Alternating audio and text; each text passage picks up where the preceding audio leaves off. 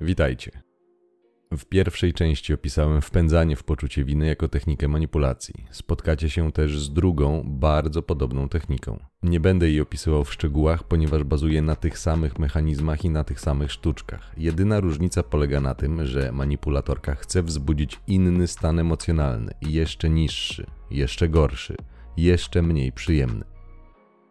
Jeżeli uważasz, że to przypadek, to niestety mam złą wiadomość. W zdecydowanej większości jest to świadome działanie, aby uzyskać swój cel.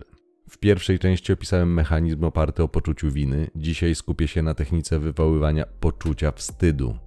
Powstała nawet angielska nazwa tego zjawiska shaming, czyli wzbudzanie wstydu, zawstydzanie.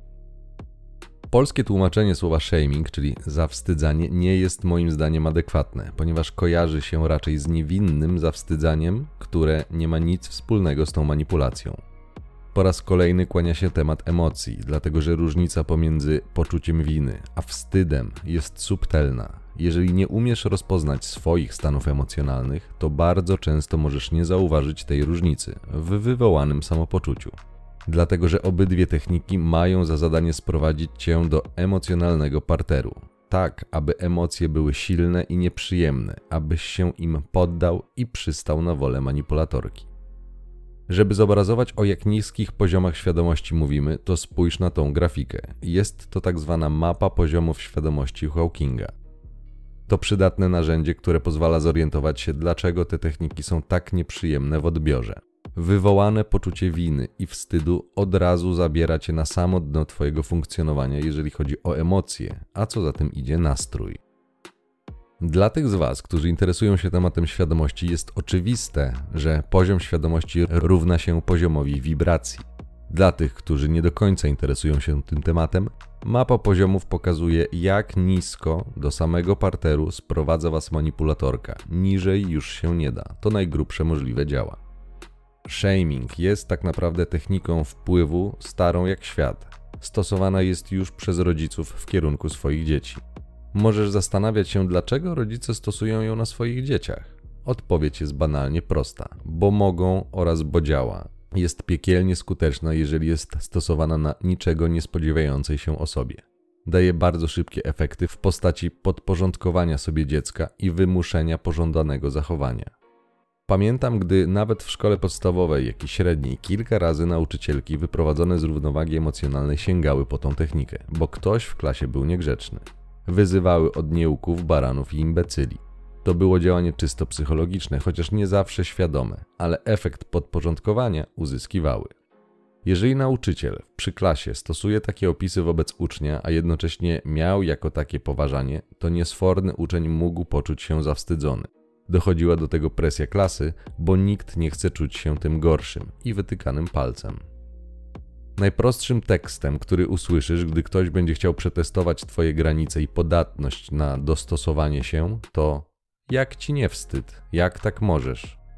Byłem kiedyś na pewnej konferencji, gdzie w kuluarach między panelami można było przy kawie poznać innych uczestników. W którymś momencie podszedł mężczyzna. Chwila small talku i poprosił o udostępnienie swojego adresu na LinkedInie. Nie chciałem mu go podać, więc powiedziałem, że nie używam, na co odparł: O, shame on you. Popatrzyłem na niego z nieukrywanym zdziwieniem, jednocześnie stawiając wyraźną granicę. Nie, nie jest mi wstyd, jestem tu osobiście, ani wirtualnie.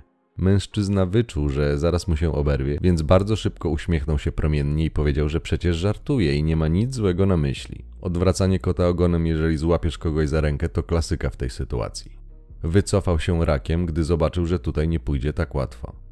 Shamingu, zawstydzania będą używali wszyscy, którzy chcą, abyś podporządkował się ich woli i w ten sposób zmienił swoje zachowanie na takie, jakie jest na rękę stosującym te techniki, aby uzyskać swój efekt. Kiedyś zastanawiałem się, dlaczego tak dużo ludzi ma taką łatwość w zawstydzaniu i wzbudzaniu poczucia winy. Doszedłem wtedy do wniosku, że muszą mieć w tym nie lada wprawę i doświadczenie, dlatego że kiedy zorientowałem się, że było to stosowane na mnie w mniej lub bardziej agresywnej formie, to zacząłem przeprowadzać swoje eksperymenty z użyciem tych technik, to znaczy ja zacząłem używać tego instrumentu na ludziach. Wniosek z testowania jest taki: nie da się tego zrobić przypadkiem, bez świadomości tego, co się robi. Nie w takiej formie. Jeżeli ktoś naprawdę poczuł się źle z powodu czyjegoś zachowania, to nie będzie wmawiał tobie swoich złych emocji i narzucał się z tym wiercąc najczęściej dziurę w brzuchu. Zewnętrzną presję na poczucie winy i wstydu poczujesz tylko w dwóch przypadkach. Ktoś rzeczywiście poczuł się dotknięty i komunikuje o tym, tylko taka osoba najczęściej będzie to robiła w sposób nie starający się wzbudzić w tobie poczucia winy ani wstydu. Po prostu będzie się starała ciebie poinformować, abyś wziął pod uwagę, że nie jest to dla niej komfortowa sytuacja. Jest bardzo duża różnica między tym, że ktoś cię informuje o swoim odczuciu, a tym, że ktoś próbuje ci wmówić winę i wstyd. Druga sytuacja jest taka, gdzie stosuje się to z pełną premedytacją i w ten sposób próbuje się zmienić postawę i zachowanie obiektu manipulacji. Nie da się tego zrobić przypadkiem. Poznasz to po słowotoku, jaki zacznie być stosowany. To nie będzie jedno zdanie oznajmujące. Przeprowadź prosty test. Gdy będziesz na przykład w sklepie, to spróbuj zawstydzić ekspedientkę na kasie lub pana na stacji benzynowej. Nie da się tego zrobić przypadkiem. Żeby ktoś poczuł się winny lub zawstydzony, musi przyjąć Twój punkt widzenia. Żeby to zrobił, musisz mu go narzucić z zewnątrz. Nie da się tego zrobić przypadkiem, jest to niemożliwe. Jeżeli na przykład na stacji benzynowej powiesz, że jest ci źle, bo paliwo jest drogie, to nie wzbudzisz w takiej osobie poczucia winy. Dlatego twierdzę, że nie da się tego zrobić przypadkiem. Druga, nie pozostawiająca złudzeń co do intencji manipulatorki opcja użycia tej techniki jest taka, że musi znać Twój słaby punkt, to znaczy wiedzieć, gdzie są emocjonalne dziury w Twoim pancerzu i wtedy je wykorzystać. W takim przypadku manipulatorka wykorzysta normy społeczne lub po prostu swoją wiedzę o tobie. W poprzednich odcinkach mówiłem, że przeciętnie kobiety mają lepszą pamięć od mężczyzn. W związku z tym, jeżeli powiedziałeś jej kiedyś o swoich słabościach, lub o czymś, co zrobiłeś, z czego nie byłeś do końca dumny. I nie daj Boże, taka kobieta zauważyła Twoją autentyczną, emocjonalną reakcję, na przykład było Ci wstyd, że coś zrobiłeś, to w przyszłości tak poprowadzi rozmowę, takich słów użyje, żeby porównać obecną sytuację do tego, co sam jej powiedziałeś. Mechanizm jest następujący. Porówna to, co teraz rzekomo źle zrobiłeś, do Twojego poprzedniego zachowania. Gdy nie kontrolujesz swojej psychiki, to w Twojej głowie, na zasadzie skojarzeń, odpalą się stany emocjonalne takie jak wtedy, kiedy powiedziałeś, że czułeś się winny. Jeżeli tak się stanie, to będziesz miał tendencję do odczuwania nieprzyjemnego poczucia winy, a stąd już tylko krok do zmiany Twojego zachowania. Teraz ciekawostka, którą zaobserwowałem przy wielu okazjach. Osoba, która będzie stosowała ją na tobie, najczęściej nie da ci dojść do słowa przez dłuższy czas. Aby wywołać poczucie wstydu lub winy, musi przeprowadzić długi monolog, aby wywołać w twojej głowie odpowiednie nieprzyjemne skojarzenia. Technicznie rzecz ujmując, jej celem jest wywołanie w tobie dysonansu poznawczego. Im gorzej będziesz się czuł, tym większa jest szansa, że szybciej ulegniesz, ponieważ ludzie nie lubią odczuwać nieprzyjemności. Tłumaczyłem ten mechanizm w odcinku numer 17. Każdą próbę Twojego tłumaczenia manipulatorka zignoruje albo zagłuszy. Zrobi to na przykład w taki sposób, że nie da Ci dojść do słowa. Jeżeli trzeba będzie, to samo zdanie powtórzy trzy razy, sprawiając tym samym wrażenie, że żadne Twoje słowo czy argument nie obalił jej tezy, lub że jest błędny, nieistotny i nie ma nic wspólnego ze sprawą. To klasyczne odwracanie kota ogonem, nie daj się na to nabrać. Najczęściej jednak nie będzie ci dana możliwość jakiegokolwiek tłumaczenia, a przez to obrony. Intencją manipulatorki w tym przypadku, czyli nie daniu ci dojścia do słowa, jest narzucenie tobie jej punktu widzenia, jakbyś zrobił coś, czego powinieneś się wstydzić. Bardzo często spotkasz się z takim oto zagraniem ze strony kobiety. Gdy w końcu już przestanie narzucać ci swoją opinię, a z reguły będzie to miało miejsce przy twojej biernej postawie po kilku lub kilkunastu minutach monologu, to ty zaczniesz korzystając z chwili ciszy przedstawiać swój punkt widzenia. Wtedy kobieta powie ci, że ona już skończyła i nie będzie więcej z tobą rozmawiać. Jeżeli przystaniesz na takie zakończenie jej monologu, to musisz wiedzieć, na co właśnie pozwoliłeś.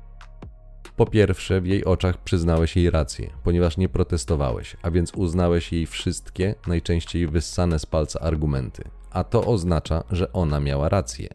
Jeżeli miała rację, to znaczy, że była lepsza. Jeżeli była lepsza, to automatycznie oznacza, że ty byłeś gorszy.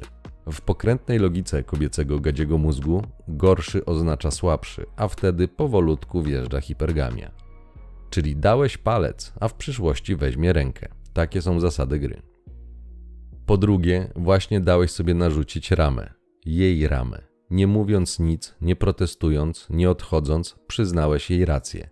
Pamiętaj, czyny, a nie słowa. Brak reakcji też jest czynem. W tym przypadku jest to milcząca zgoda. Na domiar złego przypomnij sobie, jaką postawę wykazuje samiec beta i będziesz już wiedział wszystko, jak w tej sytuacji sklasyfikuje cię kobiecy instynkt. Jeżeli kobieta nie pozwoliła ci powiedzieć nic, aby przedstawić swój punkt widzenia, to jest jawne okazanie ci braku szacunku, bo nie liczy się z twoim zdaniem tak bardzo, że nawet nie ma zamiaru go słuchać. Przecież oskarżony ma prawo do obrony. Jeżeli będziesz ignorowany lub zakrzykiwany, to masz bardzo duży znak ostrzegawczy, że właśnie jesteś poddawany manipulacji. Więc pamiętaj, szanuj siebie. Jeśli ty tego nie zrobisz, nikt inny tego nie zrobi. Masz to, na co pozwalasz. Kiedy testowałem tą fazę manipulacji, zaobserwowałem tylko dwa występujące warianty rozwoju sytuacji. Pierwszy opisałem. Odpuszczasz, okazujesz się słabszy, pokazujesz, że można tobą tak pogrywać. Pozwoliłeś na brak szacunku do siebie w imię zażegnania konfliktu, uspokojenia, udobruchania kobiety.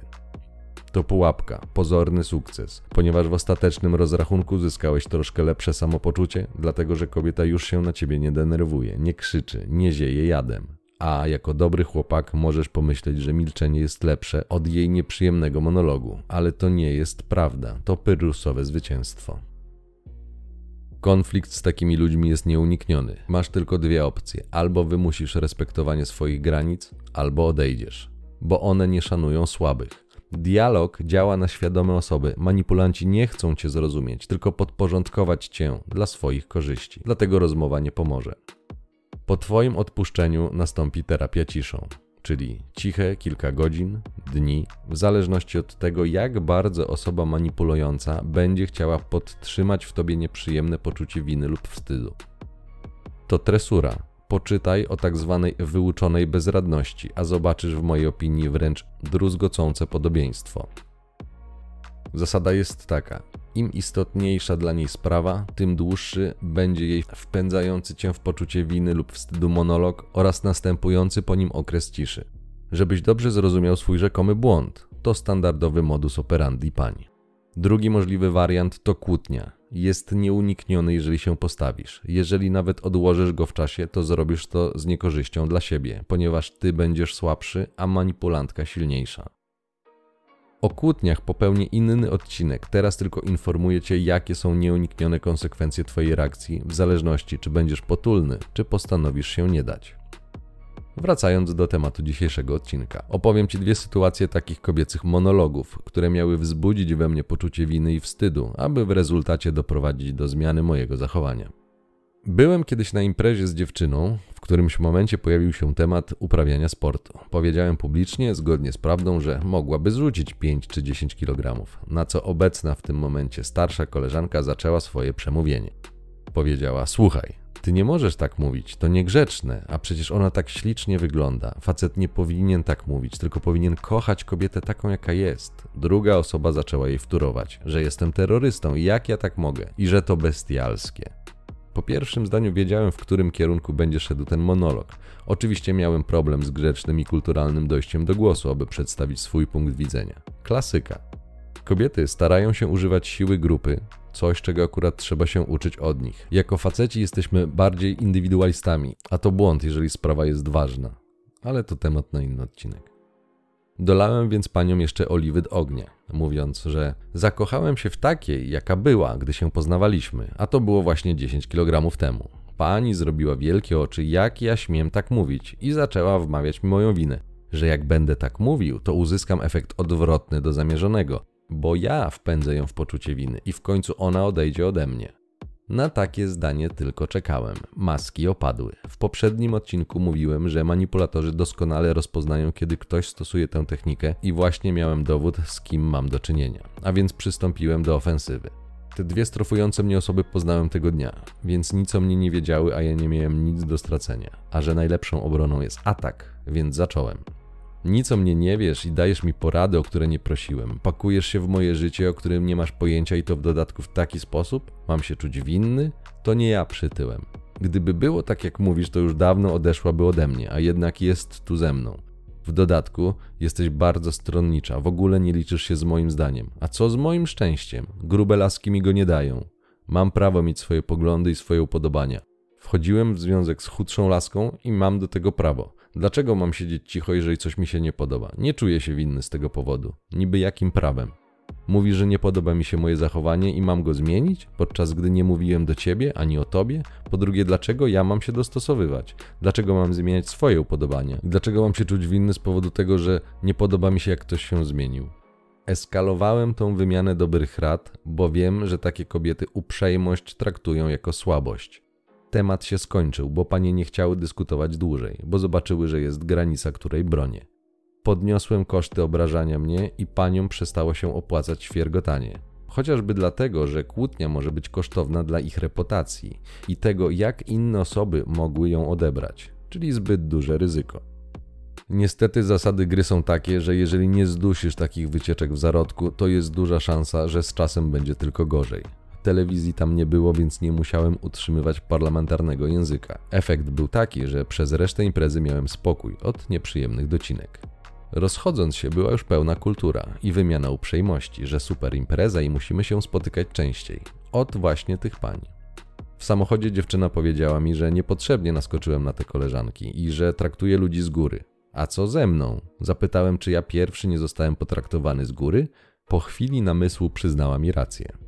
Z natury jestem miłym i sympatycznym gościem, ale pod jednym warunkiem, że ktoś okazuje mi elementarny szacunek. W przeciwnym razie stosuję zasadę wzajemności. Jeżeli trzeba, nauczyłem się być szorstki, złośliwy i pamiętliwy. Niestety, życie uczy, że szacunek czasem trzeba wymusić. Nie mam już sentymentów, to nie jest korzystne Gdy czują twoją słabość, to ci wiadą na tą psychę I nie panusz się już przy mnie Nie wszyscy muszą mnie lubić, akceptuję to. Druga sytuacja, kiedy na innej imprezie koleżance również włączył się instynkt stadny i zaczęła mnie strofować, że nie mogę tak traktować dziewczyny, bo ona jest dla mnie taka dobra. Tak, czyli w domyśle, że traktuje źle i że w końcu mnie zostawi. Znowu klasyczna próba wpojenia poczucia winy na moje rzekome fatalne zachowanie. Tym razem nie chciało mi się czekać na zakończenie tej tyrady, więc od razu zapytałem, że skoro jej rady są takie dobre, to dlaczego ona nie ma faceta? Gdyby miała rację i jej rady były tak skuteczne, to byłaby we wspaniałym związku, ale jakoś nie jest i w dodatku jest sama. Więc nie jest w żadnym przypadku na pozycji do udzielania mi rad, o które tym bardziej nie prosiłem, bo po prostu się nie zna i musi się jeszcze wiele nauczyć. Odpowiedziała mi tylko w klasycznym kobiecym stylu, że mam rację, ale to nie zmienia faktu, że tak nie powinienem i że jestem okropny. Po czym popatrzyła na dziewczynę i zapytała teatralnie: Jak ty z nim wytrzymujesz? Wpędzanie w poczucie winy i shaming to bardzo podobne do siebie techniki manipulacji. Z funkcjonalnego punktu widzenia różnica jest niewielka, ponieważ bazuje na tym samym mechanizmie. Wywoływanie nieprzyjemnego odczucia, które ma doprowadzić ciebie do zmiany zachowania poprzez dysonans poznawczy. Celem jest zawsze uzyskanie Twojego działania zgodnego z celem manipulatorki, a nie zgodnego z Twoim interesem. Żeby się przed tym bronić, musisz wiedzieć, czym jest, jak działa i jakie odczucia powoduje w tobie użycie tej techniki. W przeciwnym wypadku, jako dobra osoba, ale bez doświadczenia, która chce w dodatku szanować wszystkich, przegrasz. Jeżeli nie chce ci się pracować nad sobą, w tym sensie, żeby nauczyć się rozpoznawać swoje emocje, co będzie miało też inne korzyści, na przykład zaczniesz rozpoznawać u siebie stres, to jest kilka do bólu powtarzalnych sformułowań, których ludzie używają, aby wywołać takie odczucia. Pierwsze, jak mogłeś? Presupozycja, że zrobiłeś coś złego. Wstydź się. Zawsze, gdy usłyszysz takie polecenie wprost, miej się na baczności. 3. Poczułam się niefajnie lub to było niefajne albo słabe. Tak samo jak wcześniej, punkt widzenia zależy od punktu siedzenia. Gdy dowiesz się na przykład o zdradzie, też często usłyszysz, że jak mogłeś mi nie ufać? Założenie jest takie, że postąpiłeś źle, bo przyłapałeś. Twoje niefajne samopoczucie wtedy się nie liczy. 4. Porównanie do jakiegoś bardziej zamożnego lub przystojnego znajomego. Shaming w czystej postaci. On ma, a ty nie masz. Powinieneś się wstydzić. Prawdziwy facet tak by nie zrobił. Klasyka. Wstydź się, bo rzekomo nie jesteś prawdziwym facetem. Bardziej przebiegłe manipulatorki użyją porównania, na przykład poczułam się jak wtedy, gdy trzy kropki i tutaj będzie wydarzenie, kiedy dałeś sobie wmówić poczucie winy. Nie sposób wymienić wszystkich konkretnych tekstów, ale musisz znać schemat działania. Bardzo często najlepszą obroną będzie atak, ale nie w każdej sytuacji możesz sobie na niego pozwolić. Jeżeli na przykład w ten sposób manipuluje tobą szefowa, to jesteś zależny, ponieważ twoja pensja zależy od niej. Słowem, leżysz. Albo zmienisz pracę, albo nauczysz się nie przyjmować wmawianego poczucia winy. Jeżeli pozwolisz jeździć po sobie jak po łysej kobyle, to będzie po tobie jeżdżone. Takie są zasady gry. Stres będzie rósł aż do dnia, w którym coś w tobie pęknie. Wtedy poznasz w praktyce to, o czym mówiłem w odcinku numer 5. Teraz wyobraź sobie, jakie masz opcje, jeżeli co kilka dni lub dzień w dzień tak traktujecie małżonka. Co wtedy zrobisz? Jeżeli wiesz, że po rozwodzie zostajesz goły i wesoły? Albo kosztowny rozwód, albo rola ofiary w toksycznej relacji. Nie ma innej drogi. Dlatego musisz wiedzieć, żeby nie dać się dosłownie zniszczyć. Podsumowując, sztuczne wywoływanie poczucia winy lub poczucia wstydu to bardzo częsta technika manipulacji. Jest jednocześnie bardzo silna. Celem jest skłonienie ciebie do określonego zachowania. Uzyskuje się go przez słowne manipulacje, które, jeżeli o nich nie wiesz, będą dla ciebie niewidzialne. Będą przechodziły jak bombowce stealth poniżej twojego radaru w ramach treningu, aby przekonać się, że niemożliwe jest wywołanie przypadkiem poczucia winy, a jednocześnie kobieta bardzo szybko zorientuje się, co robisz, proponuję, abyś wykonał banalny eksperyment. Kiedy będziesz miał podejrzenia, że właśnie jesteś poddawany tej technice, po prostu odwróć kota ogonem. Bez ceregieli powiedz, że poczułeś się nieprzyjemnie, gdy słyszysz takie słowa. Dorzuć coś w stylu, że jak ona tak może i prawdziwa kobieta tak się nie zachowuje, i że to bardzo dziecinne zachowanie. Takie trzy zdania wystarczą i wtedy bacznie obserwuj reakcję pani. W zdecydowanej większości przypadków doskonale rozpozna to, co robisz, bo kobiety z wielką łatwością rozpoznają stany emocjonalne. Następnie po prostu skopiuj jej reakcję. Jeśli oleje Twoje argumenty, a najczęściej tak będzie, to zastosuj zasadę wzajemności. Wtedy jest to o tyle proste, że nie wymaga myślenia. Wystarczy, że będziesz robił tak jak manipulantka. Zignorowała ciebie, zignoruj ją zacznie zbaczać tematu i gadać od rzeczy, ty zrób tak samo. Jeżeli jeszcze masz przekonania, że kobiety to niewinne istoty, wręcz anioły niezdolne do złośliwości, to bardzo szybko przekonasz się, jak fałszywe są Twoje przekonania co do rzeczywistości, w jakiej żyjesz. Możesz dodatkowo zrobić mały eksperyment, aby upewnić się, czy masz do czynienia z manipulacją, czy z autentycznym smutkiem z powodu Twojego zachowania. Manipulacyjny monolog wmawiający poczucie wstydu lub winy w którymś momencie musi zakończyć się jakiegoś rodzaju pytaniem. Czasem będzie to pytanie wprost, czy zrobisz tak, jak oczekuje manipulatorka, a czasem będzie to ukryte pytanie, czy Twoim zdaniem postąpiłeś dobrze? Jeżeli masz rację i nic złego nie zrobiłeś, trzymaj się swojego zdania, mówiąc proste nie, nie zmienię swojego zdania. Wtedy padnie pytanie dlaczego. Odpowiedz w kobiecym stylu: Bo nie, ale dlaczego bo nie? Bo tak. Osoba, która szczerze ubolewa i odczuwa smutek, nie będzie dalej drążyła tematu, tylko pogrąży się w tym smutku. Manipulatorka natomiast zacznie wpadać we wściekłość. Po tym poznasz, z kim masz do czynienia. Kobiety, a w szczególności manipulatorki, najbardziej na świecie nie lubią tracić kontroli. Jeżeli odpowiesz w takim kobiecym stylu, bo nie, bo nie, bo tak, to nie tłumaczysz się i w ten sposób nie dajesz manipulatorce żadnego punktu zaczepienia, ponieważ nie może odnieść się do czegoś, czego nie powiedziałeś. Więc staje się bezsilna, dlatego że nie może wpłynąć na zmianę Twojego zachowania, czyli traci kontrolę. To ta utrata kontroli powoduje najczęściej gniew, szczególnie jeżeli będziecie sami, bez osób trzecich, ponieważ przy świadkach manipulatorka bardzo rzadko pozwala sobie na otwarte, manipulujące i agresywne działania, bo ktoś mógłby to zauważyć. Takie są zasady gry. Pamiętaj, poczucie winy i wstydu jest skuteczne tylko jeżeli dasz je sobie narzucić i wmówić. Zawsze jest ono wmawiane, wręcz niemożliwe jest zrobienie tego przypadkiem. W praktyce najbardziej uzdolnione manipulatorki stosują kombinację różnych technik, z czego te dwie są głównymi orężami w ich arsenale. Kiedy nauczysz się szanować siebie i takie zachowania staną się częścią Twojego normalnego, szanującego siebie zachowania, to manipulatorzy szybko rozpoznają, że niewiele uzyskają od Ciebie, w związku z tym nie będą tracili czasu na relacje z Tobą. Znajdą łatwiejsze w urobieniu ofiary. Po prostu podniesiesz im koszty zgodnie z teorią gier. Gdy nauczysz się rozpoznawać te techniki, niestety zobaczysz je wszędzie. U obcych ludzi, u znajomych, nierzadko w rodzinie, u dziewczyn, w filmach, w serialach, często będą ukryte w postaci żartów. I wtedy to przestaje być śmieszne. W telewizji, w programach informacyjnych i w publicystycznych, w wypowiedziach polityków jest tego pełno. Dlatego musisz wiedzieć. Ciąg dalszy nastąpi.